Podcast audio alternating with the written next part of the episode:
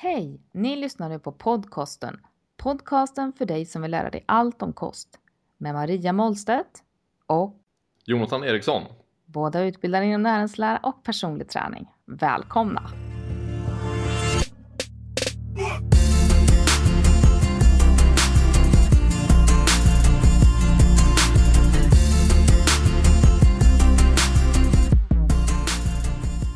Hej! Hallå Jonathan!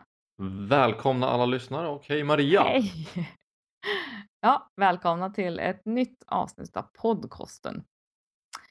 Eh, jag har en liten reflektion. Får jag ta Mhm. den? Självklart. Jag tänkte på den jag lyssnade på förra veckans avsnitt, som ligger ute just nu då. Svårt Mm. där med tiden. Ehm, då var ämnet kosttillskott. Och vi inledde det avsnittet med några frågeställningar som vi fått ifrån en av våra lyssnare via podcastens sida på Facebook. Therese eh, hette hon, om inte jag minns helt fel. Eh, det var en tjej i varje fall och hon bad oss guida henne i förvaret av proteinpulver. Men hon efterfrågade då även ett så naturligt pulver som möjligt. Och vilket det kanske vi inte pratar så himla mycket om då. Så det är min reflektion. Eh, de flesta proteinpulverna de kommer ju från mer eller mindre naturliga källor.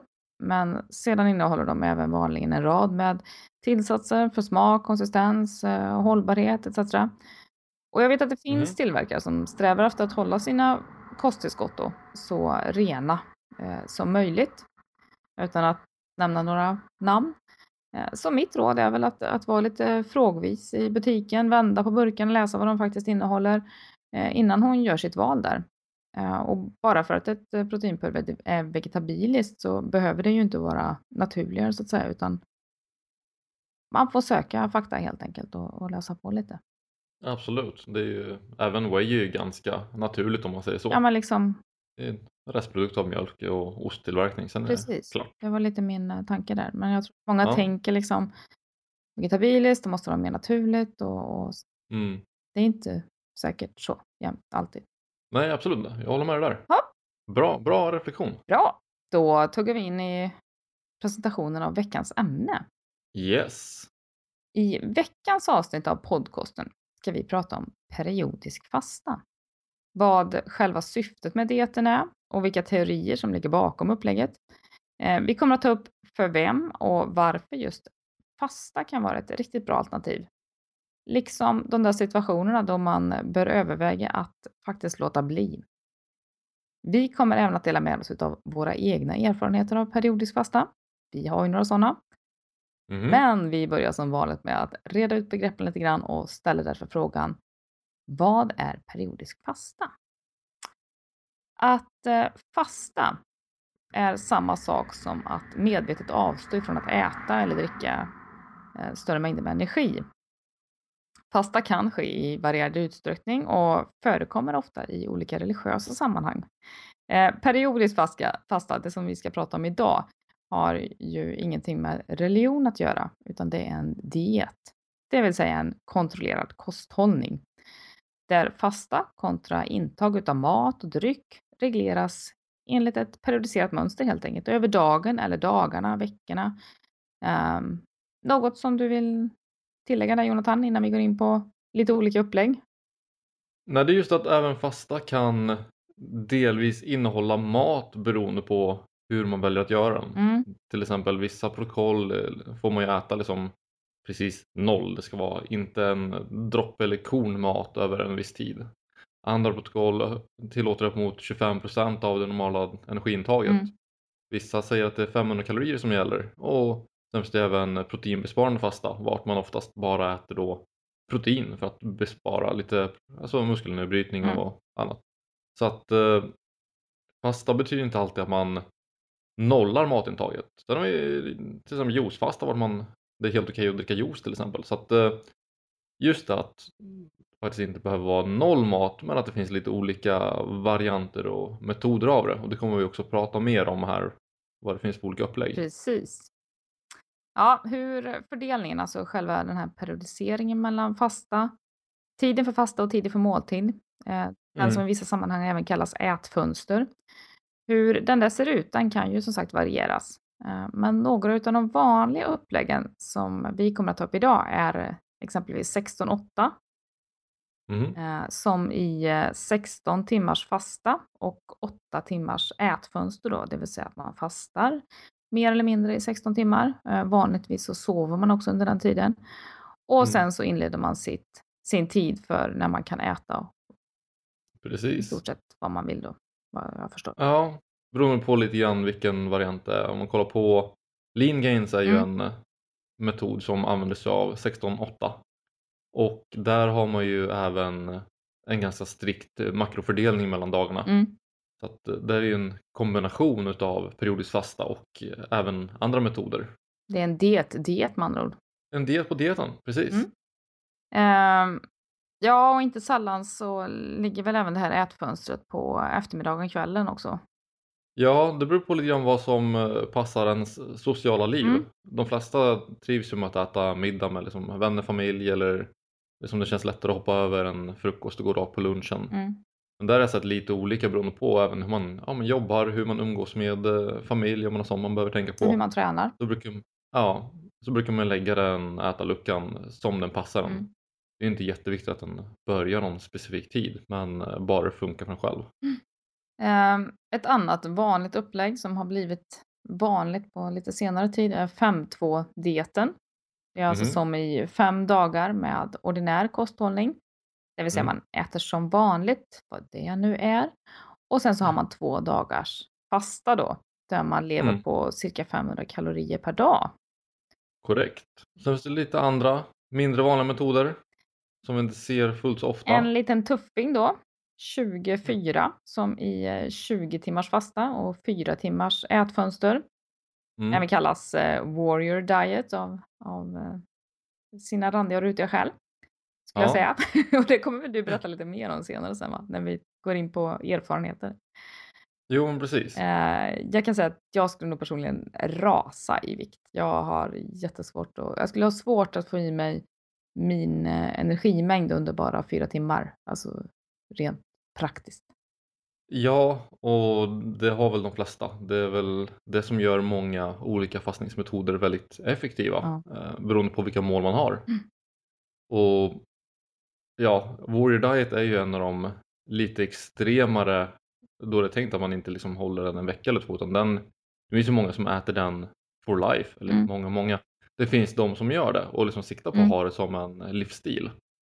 Och ja, jag har läst om de som liksom, tycker det funkar jättebra för dem och de lyckas hålla uppe liksom, träningen på bra nivåer och eh, må bra men eh, sen så jag tror jag det kanske är lite väl hårt för de absolut flesta. Eh, ja, ja, jag vet inte. Eh, Sen har vi de som har enstaka fasta dagar enligt någon form av rullande schema. Då. Det kan ju vara det är 24 timmar då som man kör eh, en eller två gånger i veckan, en eller två gånger i månaden, vad man tycker och känner för. Mm. Ehm, mm. Så det finns en del olika teorier här och, och tankar och, och ordningar kring de här olika dieterna. Många lanseras väl som att man eh, går ner i vikt helt enkelt, Mm. får man väl De säga. flesta, ja, nästan all fasta liksom har ju med att man vill framförallt tappa kroppsfett. Det är ju någonting som alla olika fastningsmetoder har gemensamt. Att målet är att få ner kroppsfettet så lågt som möjligt. Mm. Och sen är det ju till exempel 5-2 är ju mycket mer en, vad ska man säga, Svensson-metod. Snarare sagt än någonting som en bodybuilder kommer gå in och använda. Mm. Medan 16-8 lean gains war diet är kanske någonting mer som en atlet eller bodybuilder då kommer sikta på att utnyttja. Mm. Och det finns ju liksom ja, det finns ju flera anledningar att bruka det. Fasta kan ju vara väldigt eh, användbart Mm. och det är ju en sjukt bra metod för att kontrollera hunger för vissa. Men eh, sen kan det också vara väldigt stressande för andra. Mm. Ja, nej, jag, jag är väl inte den som förespråkar det här ständiga ätandet. Och eh, alla dieter som man kan hålla över tid och som man kan förhålla sig till, som kan ta någon från en övervikt till en normalvikt, får ju hälsoeffekter. Det har vi ju pratat Mm. om förut. Ehm, eh, och ja, det fasta ska ju inte blandas ihop med svält heller, för det är ju inte riktigt så. Så det är inte så att vi eh, inte överlever det här på något vis. Eh, Sen Nej. finns det säkert personer som har olika komplikationer som bör rådfråga en läkare innan de går in i något sånt här. Det kan jag tänka mig. Ja, det, det finns ju självklart vissa liksom, risker och svårigheter med det samtidigt som det finns flera positiva aspekter hos det. Och sen där måste man kolla på individen. Jag vet vissa som klarar av periodiskt fasta i olika metoder hur bra som helst utan någon som helst eh, komplikation. Mm. Men sen vet jag också andra som har mått som totalt skräp och liksom knappt kunnat röra sig och liksom mått dåligt, eh, huvudvärk, illamående Mhm. utan att direkt adaptera till Det det. där kan jag berätta om mer sen. Ja, ehm, men eh, om man ska ko- kolla på liksom, vi snackade lite grann varför, varför man skulle fasta. Ja. Just det här man... Jag har en liten tanke kring det här 5-2. Jag tror jag har tagit upp den här tidigare. Men jag, jag har lite svårt att den... den eh, eller jag, jag kan se varför det kan vara svårt för många att få den dieten att fungera i ett svenskt samhälle. För vi, eh, det handlar ju om att äta som vanligt. Men den där tvåan, det vill säga den där fasta dagen, den skulle ju aldrig inträffa för någon på en, på en lördag exempelvis. När vi inte äter som vanligt utan vi äter förmodligen mer än vanligt då.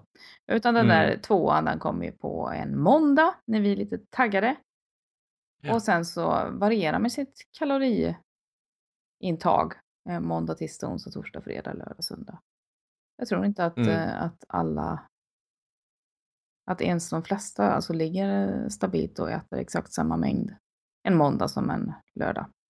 Nej, det- med största sannolikhet inte alls. Jag gör inte det i alla fall. Jag så. Nej, jag, jag håller mig stabil men det är ju för att jag faktiskt håller koll på äter Mm. också. Eh, och liksom räknar nitiskt varje Ja, dag. jag menade inte någon Men- överdrift där ute. Nej, men jag tror jag skiljer mig från genomsnittet kanske, men Ja, jo, absolut. Det är jag säker på att du gör. Men just 5.2 eh, är ju, den, den är intressant. Jag vet jättemånga som har fått ut bra effekt Mm. av den och tappat vikt.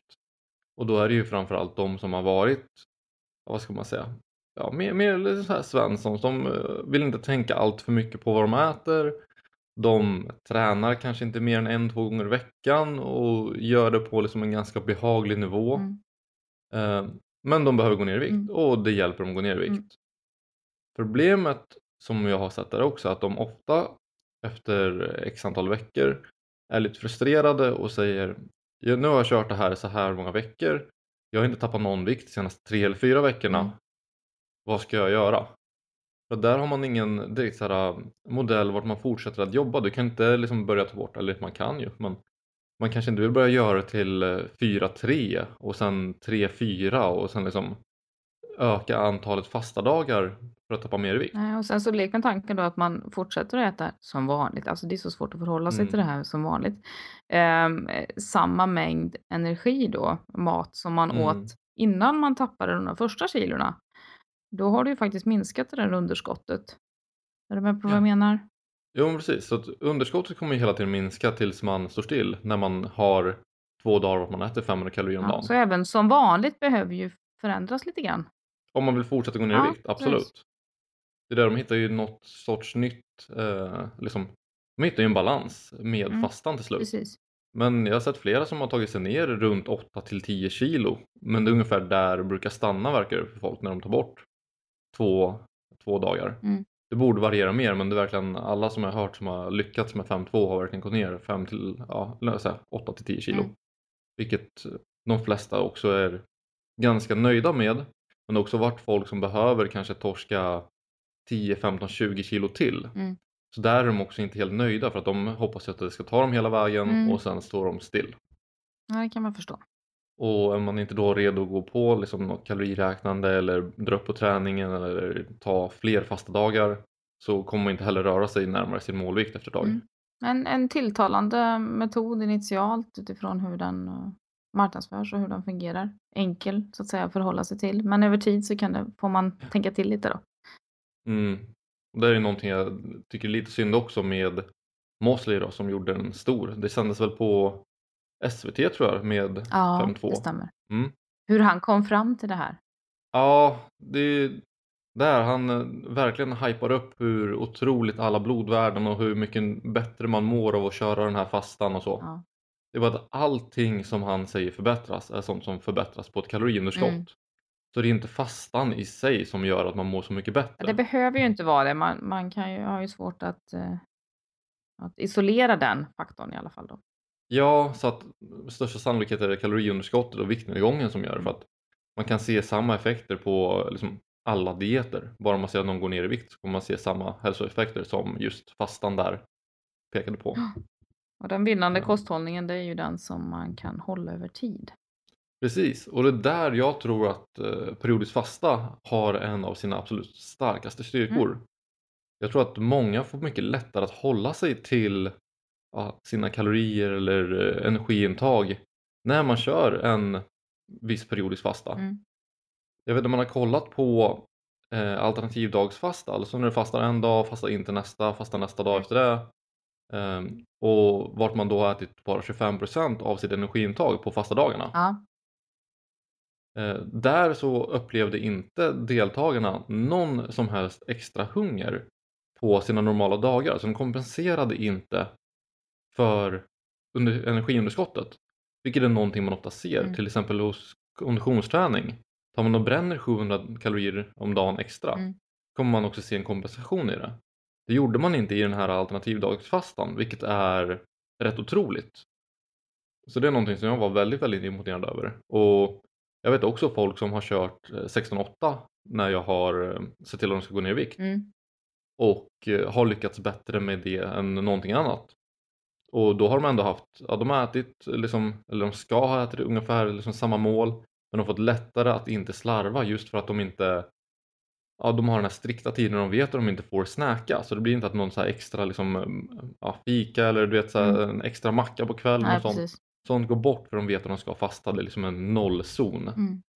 Eh, Så jag tror inte att fastan i sig där har liksom gjort att de bränner mer eller någonting sånt. Men där har ju också 16-8 dieten där, ett, eller upplägget, ett eh, startkort då om man dessutom går in att, eh, och rekommenderar olika nivåer av makronutrienter och så vidare. Mm. Eh, Så att det inte liksom bär, bär hän åt något håll utan man har dels Mm. ätfönstret att förhålla sig till, periodiseringen och även den här att man får i sig bra grejer när man faktiskt äter då. Absolut, och i, all, i alla de här metoderna så tycker jag man måste jobba med även alltså kaloriräkning eller liksom matrekommendationer för att annars blir det väldigt lätt konstigt. Mm. Eh, En stor fördel är också när man faktiskt kör fast när man får äta ordentliga stora måltider. Jag kan säga att jag aldrig varit så nöjd och mätt och glad efter måltider som när jag körde min periodiska fasta. Mm. Jag har aldrig känt mig Liksom- så stressad som när jag körde mitt eh, test med, med fasta och ätfönster. Det kan jag tro. Dels över att få i sig energin. Eh, så Mm. Bara det var ju liksom, "Men jag måste få i ja, ja. Men eh, Generellt sett tror jag att kvinnor svarar sämre på periodisk fasta Mm. på grund av att eh, era kroppar reagerar snabbare på stresshormon och liksom hormonella förändringar. Mm. Eh, männens kroppar är lite mer avtrubbade till det så att det liksom blir inte en kaosartad effekt av det på samma sätt. nej. Men jag kan säga att jag körde min fasta i tio veckor. Sista jag tror fyra veckorna så tror jag jag sov tre eller fyra timmar om natten. För att jag hade så mycket stresshormon att jag kände att jag behövde inte mer. Jag kände mig pigg, Mm. kände mig ganska fräsch, Mm. eh, sov ingenting, fick sjukt mycket gjort. Mm. Men eh, sen ett tag så kraschade jag, typ, sov 13 timmar några nätter. Mm. Och liksom, ja, då märkte man så vad fan hände här egentligen? Men eh, Ja. ja, det har ganska intressanta effekter på, på kroppen just att ta en 16 timmars fasta. Ja, sen finns det ju de som mår fantastiskt bra också och presterar och levererar och, och sådär. Absolut. Så att, eh, ja. Eh, Men syftet då med de här periodiseris, periodiseringen, den periodiserade fastan. Eh, Mm. Du nämnde att det var bra för hungerkontroll, Mhm. men att det också påverkar flertalet stresshormon då, som sagt. Och Mm. skillnaden mellan kvinnor och män. Eh, Bra för viktnedgång är det ju givetvis också. Absolut. Förutsatt då att man lyckas äta färre kalorier än vad man normalt gör då. Mm. Ehm, jag kan tycka att det, eh, eller kan tro att det är bra för eh, tarmarna också, att de får vila lite grann då. Det här eviga mellanmålsätandet som eh, lite felaktigt påstås vara särskilt bra för kroppens ämnesomsättning och så vidare och så vidare. Mm. Alltså, ja, mm. Eh, kroppens ämnesomsättning ökar ju visserligen något precis efter en måltid och eh, det, alltså den faktor som vi kallar för TEF då, det pratade vi om i något tidigt avsnitt där. Ja. Men slutresultatet blir ju detsamma oavsett antal mål under dagen utav den här faktorn. Så, Absolut. mhm. Och jag tror, jag vet inte om jag, vet inte om jag tror riktigt att tarmarna vilar på grund av att man tar en periodisk fasta på 16 timmar. Kanske om man tar en flera dagars fast. Eller en hel dag. Ja, jag är tveksam på om det ens räcker med en hel dag. Men så kan det mycket väl vara, det är ingenting jag har kollat upp. Ehm, ja, nej men som, som sagt, de flesta kommer ju använda det för att gå ner i vikt, bränna fett. Men också bra Och- för den som gillar att känna sig sådär proppmätt. Alltså jag trivs ju inte med den här känslan. Det kan jag ju ärligt säga. Jag tycker inte att det är skönt att vara sådär "Åh, lägga mig på soffan eh, mätt. Det funkar inte för mig. Utan jag vill Nej. bli pigg när jag har ätit. Nej, Men för den som gillar att äta sig proppmätt. Så, ja, ehm, kanske tidigare överviktig och så vidare. Eh, kan det här vara ett, ett bra då, upplägg. Mm.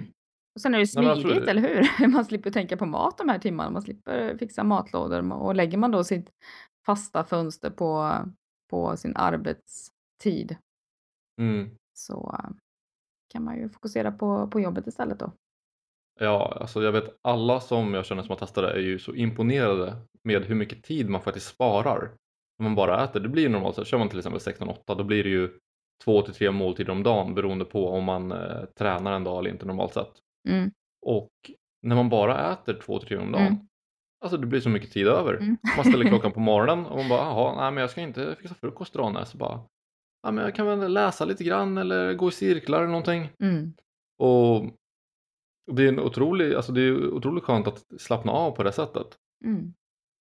Och sen så, ja, jag, när jag körde själv så tyckte jag det var helt underbart att kunna äta så rediga måltider. Eh, liksom, jag vet när jag var i Budapest med familjen, då blir det så här, varje gång man åt ute så tog man in två måltider och kanske någon appetizer. Mm. Så att det blir ju liksom, alltså det blir rediga måltider. Men måltider är ju ofta upp mot 1500-1700 kalorier för liksom en normal stor man. Mm. Och det, det är ju en del. Ja, det är mycket, mycket mat. Jättemycket Ja. mat. Ja, men som, ja, det var ju larvigt. En lunch kunde ju bli ja, en kyckling och typ upp mot 300-400 gram pasta. Mm. Alltså bara, normalt sett, man får inte i sig det. Alltså tänker jag, skulle jag försöka äta det nu, jag skulle bli knasig. Mm. Men då kändes det helt, helt okej. Mm. Så att eh, gillar man äta tror jag absolut man kan dra mycket, mycket, mycket nytta av det Mm. eh, för viktnedgång. Mm. Just för att det gör det så lätt att hålla sig till sina kalorier och vara, liksom, slippa vara hungrig på samma sätt. Ja, jag håller med. Jag håller med dig. Däremot så tror jag inte det är särskilt optimalt om man vill bevara eller bygga muskelmassa. Och det är väl någonting som är lite mer eh, kontroversiellt när det kommer till eh, de som verkligen brinner Mm. för periodisk fasta.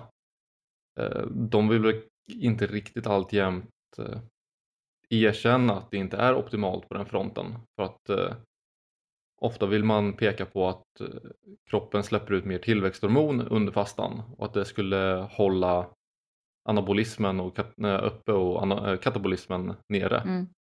Men samtidigt så har man ju inte aminosyror i blodet, man har ju inte liksom en, någonting som stoppar proteinbrytningen särskilt effektivt. Eh. Och sen är det också vissa då som säger att ja, en fasta tillåter insulinet att sjunka så mycket och stresshormonerna att öka så mycket så att man skulle bränna mer fett.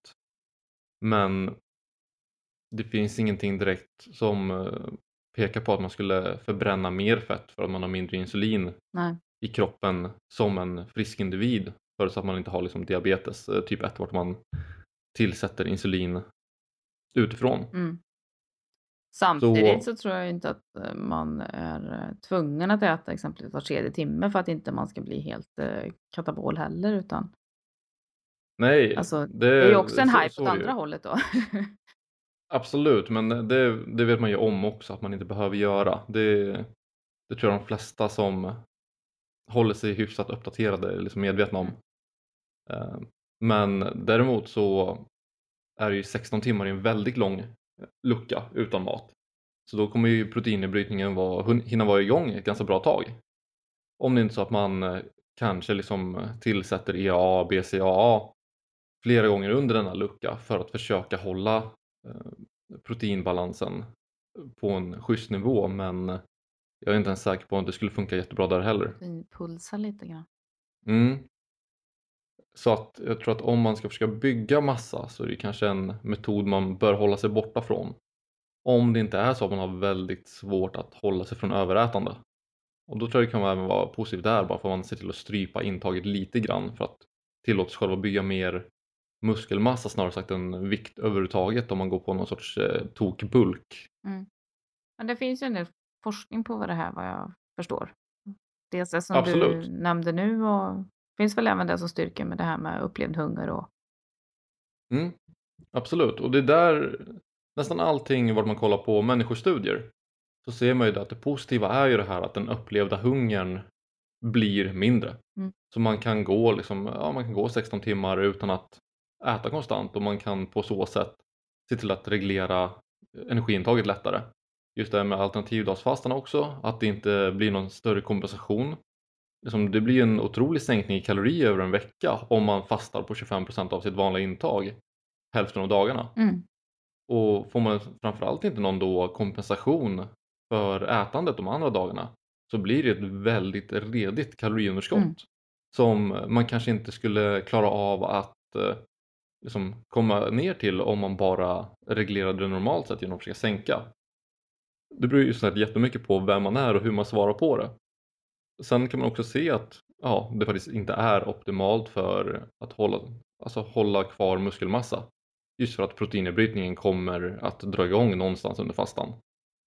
Så det man kan se, det finns lite andra studier som pekar på det motsatta när det kommer till eh, proteinnedbrytningen hos möss, eh, så vitt jag vet.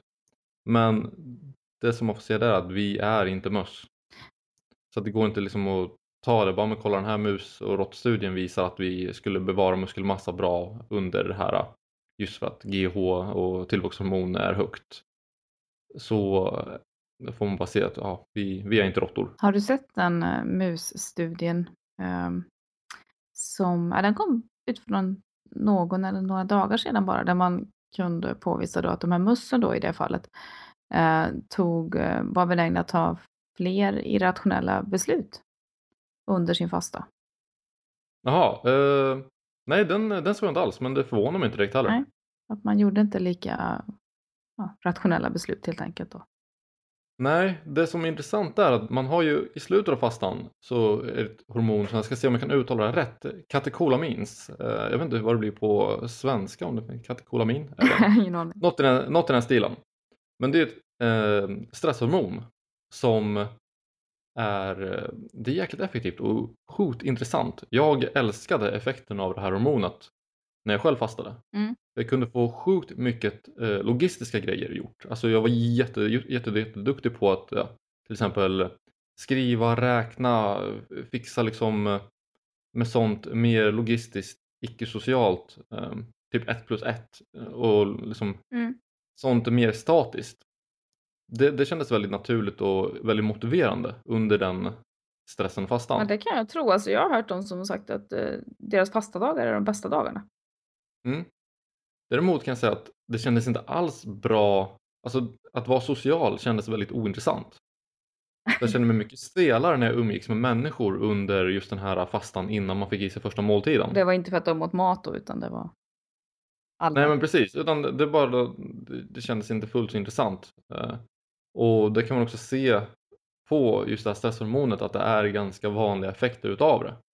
Så om råttorna påverkas på ungefär samma sätt som jag gjorde där så kan jag förstå att de gjorde lite konstiga beslut som annars hade setts som ja, lite annorlunda. Jag tror att i den studien också, eller jag vet att i den studien så kopplade de den här irrationella beslutsfattandet till eh, grelin. Ah, okay, ja. Så de hade väl pimpat det på något sätt. Jag tror att de Mm. till och med injicerade grelin i den här stackars mössen då.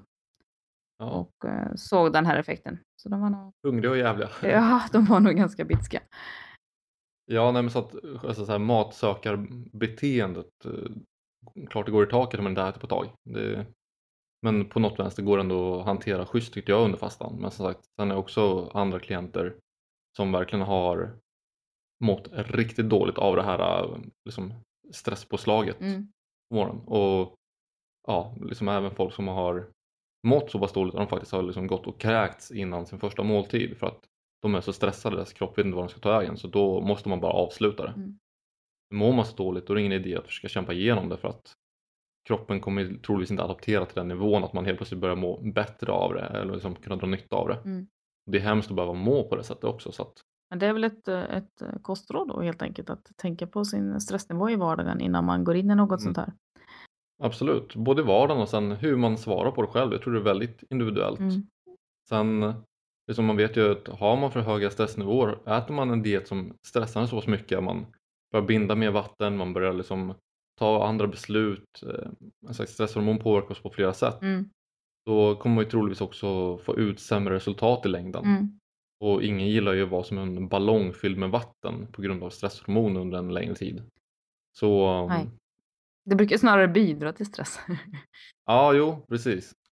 Så att man faktiskt tänker på hur man själv svarar på det, inte bara går på vad man har hört. ja. Och är det så att man dessutom eh, tränar, alltså styrketräning eller sådär, så, så behöver man väl tänka på att supplementera med någon form av aminosyreprodukt kanske. På, um, om man tränar då på morgonen eh, och Mm. tränar man på eftermiddagen, kvällen, då kanske man lägger sitt ätfönster där helt enkelt så att man har gott om energi och får ut det där Mm. krämet i, i gymmet. Ja, och jag skulle till och med kunna säga att alltså, som sagt, tränar man på morgonen då ska man äta någonting eller man ska ta någonting om det är aminosyror. Mm. Jag skulle också säga att det går att ta eh, whey-isolat eller kanske till och med koncentrat i en mindre dos innan träningen just för att vi har inte sett någonting magiskt på grund av fastan i sig förutom hungerkontrollen som en liksom, stor fördel. Mm. Så jag tror inte det gör, alltså, eller det kommer inte göra någon skillnad för fettförbränningen om man tar whey mot eh, aminosyror förutsatt att man faktiskt räknar in det i sitt liksom, dagliga energiintag också. Mm. Så att jag tror inte man måste vara ASPT på BCA eller EAA.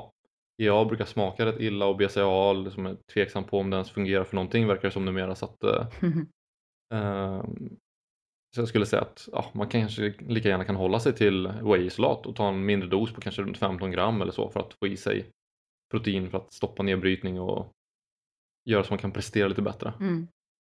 Och är det så att man utövar någon konditionsidrott och kanske tävlar till och med så, så kan man också tänka till där att man kanske inte lägger sin fasta dag just på tävlingsdagen då eller dagen innan utan att man Jo men precis.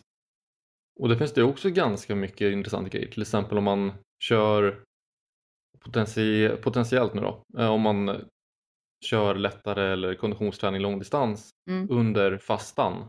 ja, Att man kanske kan förbättra sin eh, förmåga att förbränna fett som energi. Just när man faktiskt är fastad och man inte har lika mycket kolhydrater och glukos i liksom, systemet och blodet. Eh, Så kanske det skulle kunna leda till att man blir effektivare på att metabolisera fett.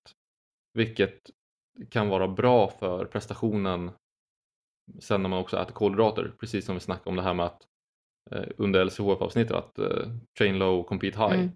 Att man får in det fast på en dygnsrytm snarare sagt än att man kör en lång, lång period på LCHF. Då man fortfarande kan köra effektiv styrketräning efter man har konsumerat någonting att äta. ja precis. Ja, det är intressant. Eh, du har ju också nämnt din egen erfarenhet. Du testade väl lean gains va? Eller, Ja, jag körde, precis, jag körde lean gains i, eh, tror jag, tio veckor. Varför gjorde du det då? Ja, mest för att testa hur det kändes. Ja. Eh, Jag gillar att testa det mesta just för att se hur det känns också. Jag körde ju även LCHF i tio veckor. Jag vet inte om jag fick med det i förra avsnittet. Men, jag minns eh, inte faktiskt. så att, nej, så att det var också för att testa det och sen tänkte jag, ja men eh, periodisk fasta, det låter ju spännande. Mm. Det låter lovande. Det finns väldigt mycket lovord kring det och liksom de som förespråkar det förespråkar det väldigt starkt som att det skulle vara det absolut bästa för allt i stort sett. Och när vi säger lean gains så menar vi 16-8, eller hur? 16-8 precis. Så lean gains är i stort sett eh, det är ju 16-8 plus carb cycling så man äter bara höga nivåer av kolhydrater de dagar man tränar Mm.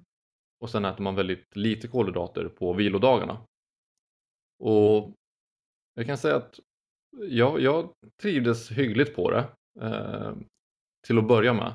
Första dagen var ju vidrig, jag har aldrig varit så hungrig som innan min första måltid första dagen. Det kändes som jag skulle kunna liksom, döda en gris som jag såg den och börja äta på den i stort sett. Nej men det var brutalt. Liksom, skaka, jag började räkna ner tiden till mat ungefär fyra timmar innan jag fick börja äta. Eh, två timmar innan började jag typ räkna minuter Mm. för att kunna få äta. Eh, men dag två så var jag helt, helt lugn. Det var inga problem alls därifrån. Och man fick äta stora måltider vilket var väldigt tillfredsställande. Jag gjorde det här under vårkanten så jag kunde i stort sett grilla både lunch och middag vilket för mig kändes helt fantastiskt. Mm.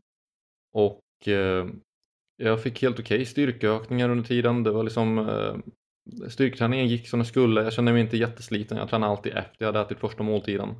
Så att det gick hur bra som helst. Ingenting att klaga på energimässigt där. Nej.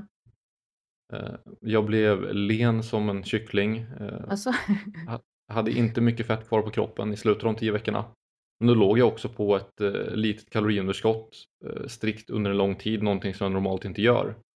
Så anledningen till att jag slutade med fastan och lean gains var för att, ja, för det första jag sov inte, vilket var ganska irriterande i slutändan. Mm.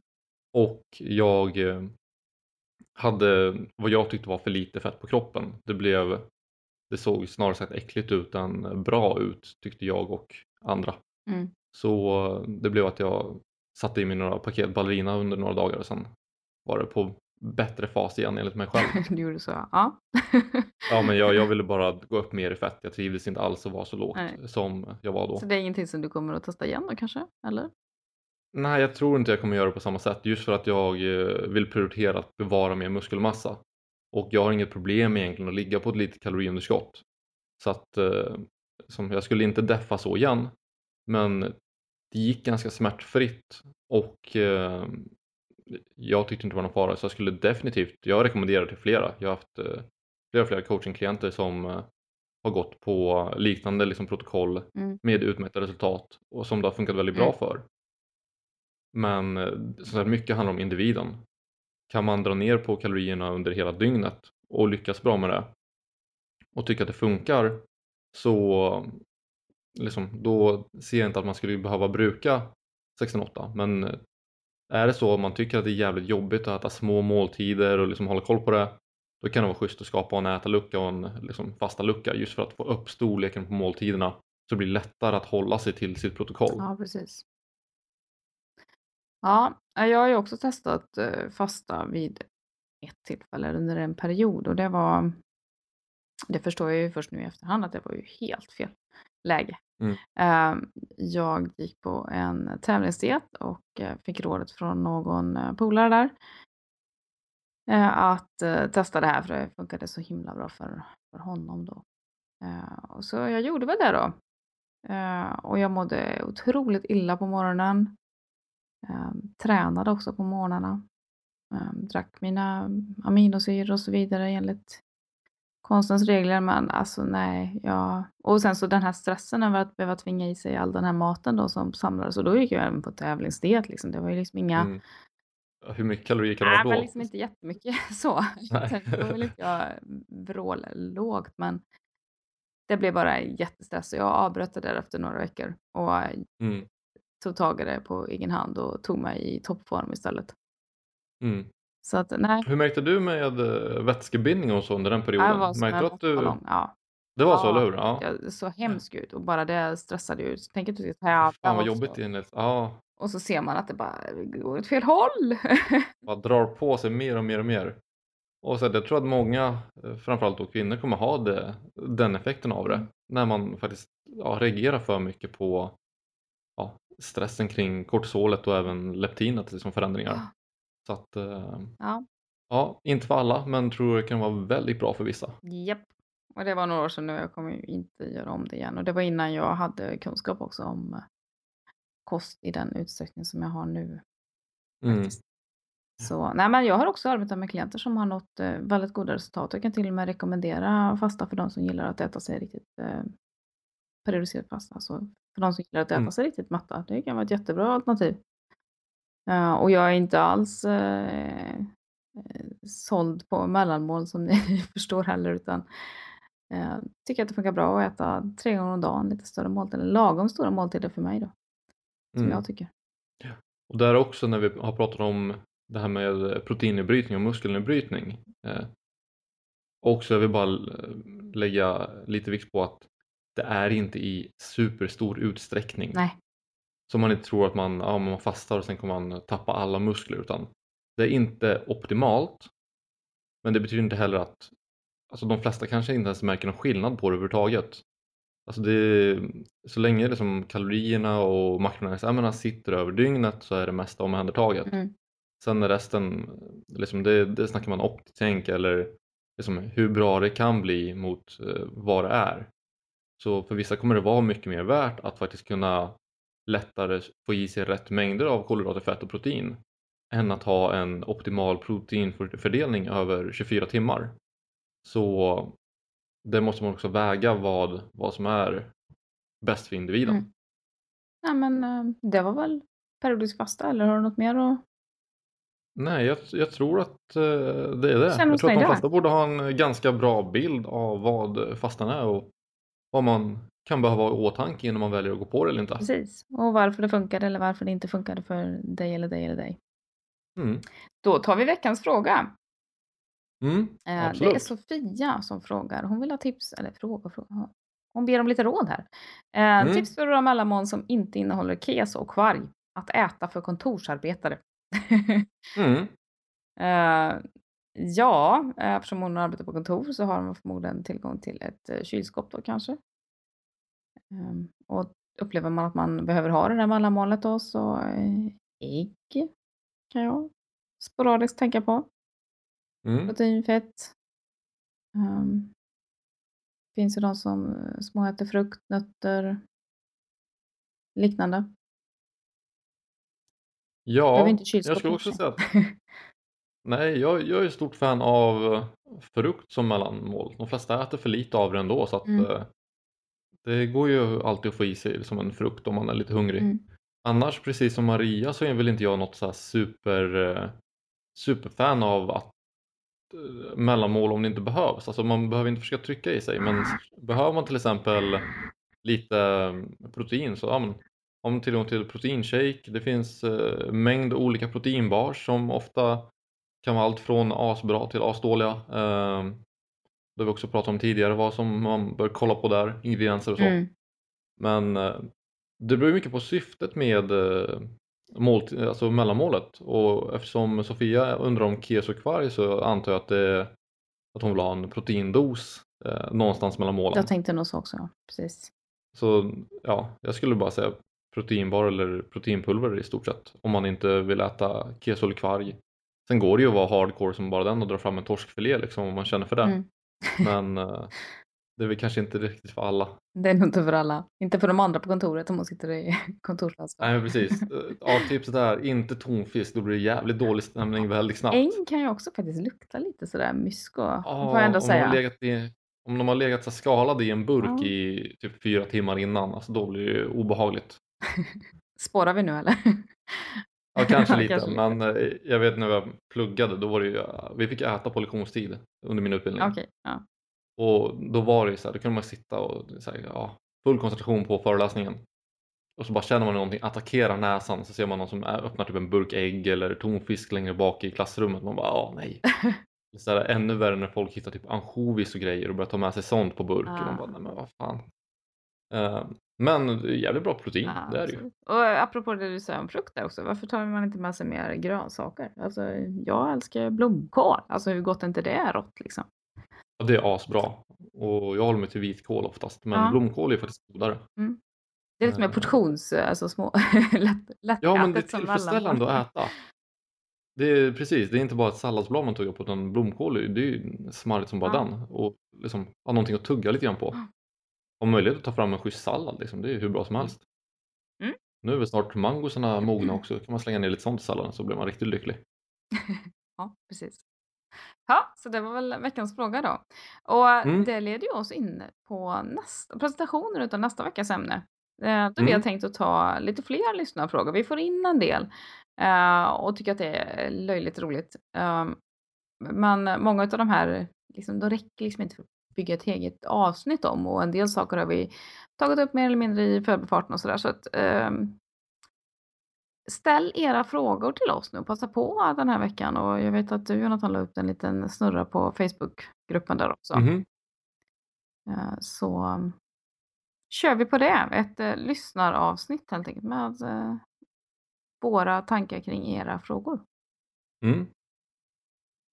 Precis, så att passa på att verkligen ställa ställ frågor, stora som små. Eh, nu när vi tar ett helt avsnitt till frågorna så kan vi också gå in lite mer på djupet i vissa frågor. Mm. Så att eh, vi kanske kommer ha möjlighet att svara på vissa frågor nu nästa avsnitt som vi inte haft eh, möjlighet riktigt att svara på tidigare. Precis. Eh, ja, nej, men det är väl precis ungefär så som det, vi tänker oss att det kan gå till nästa vecka. Mhm. Men hörru du, vad bra!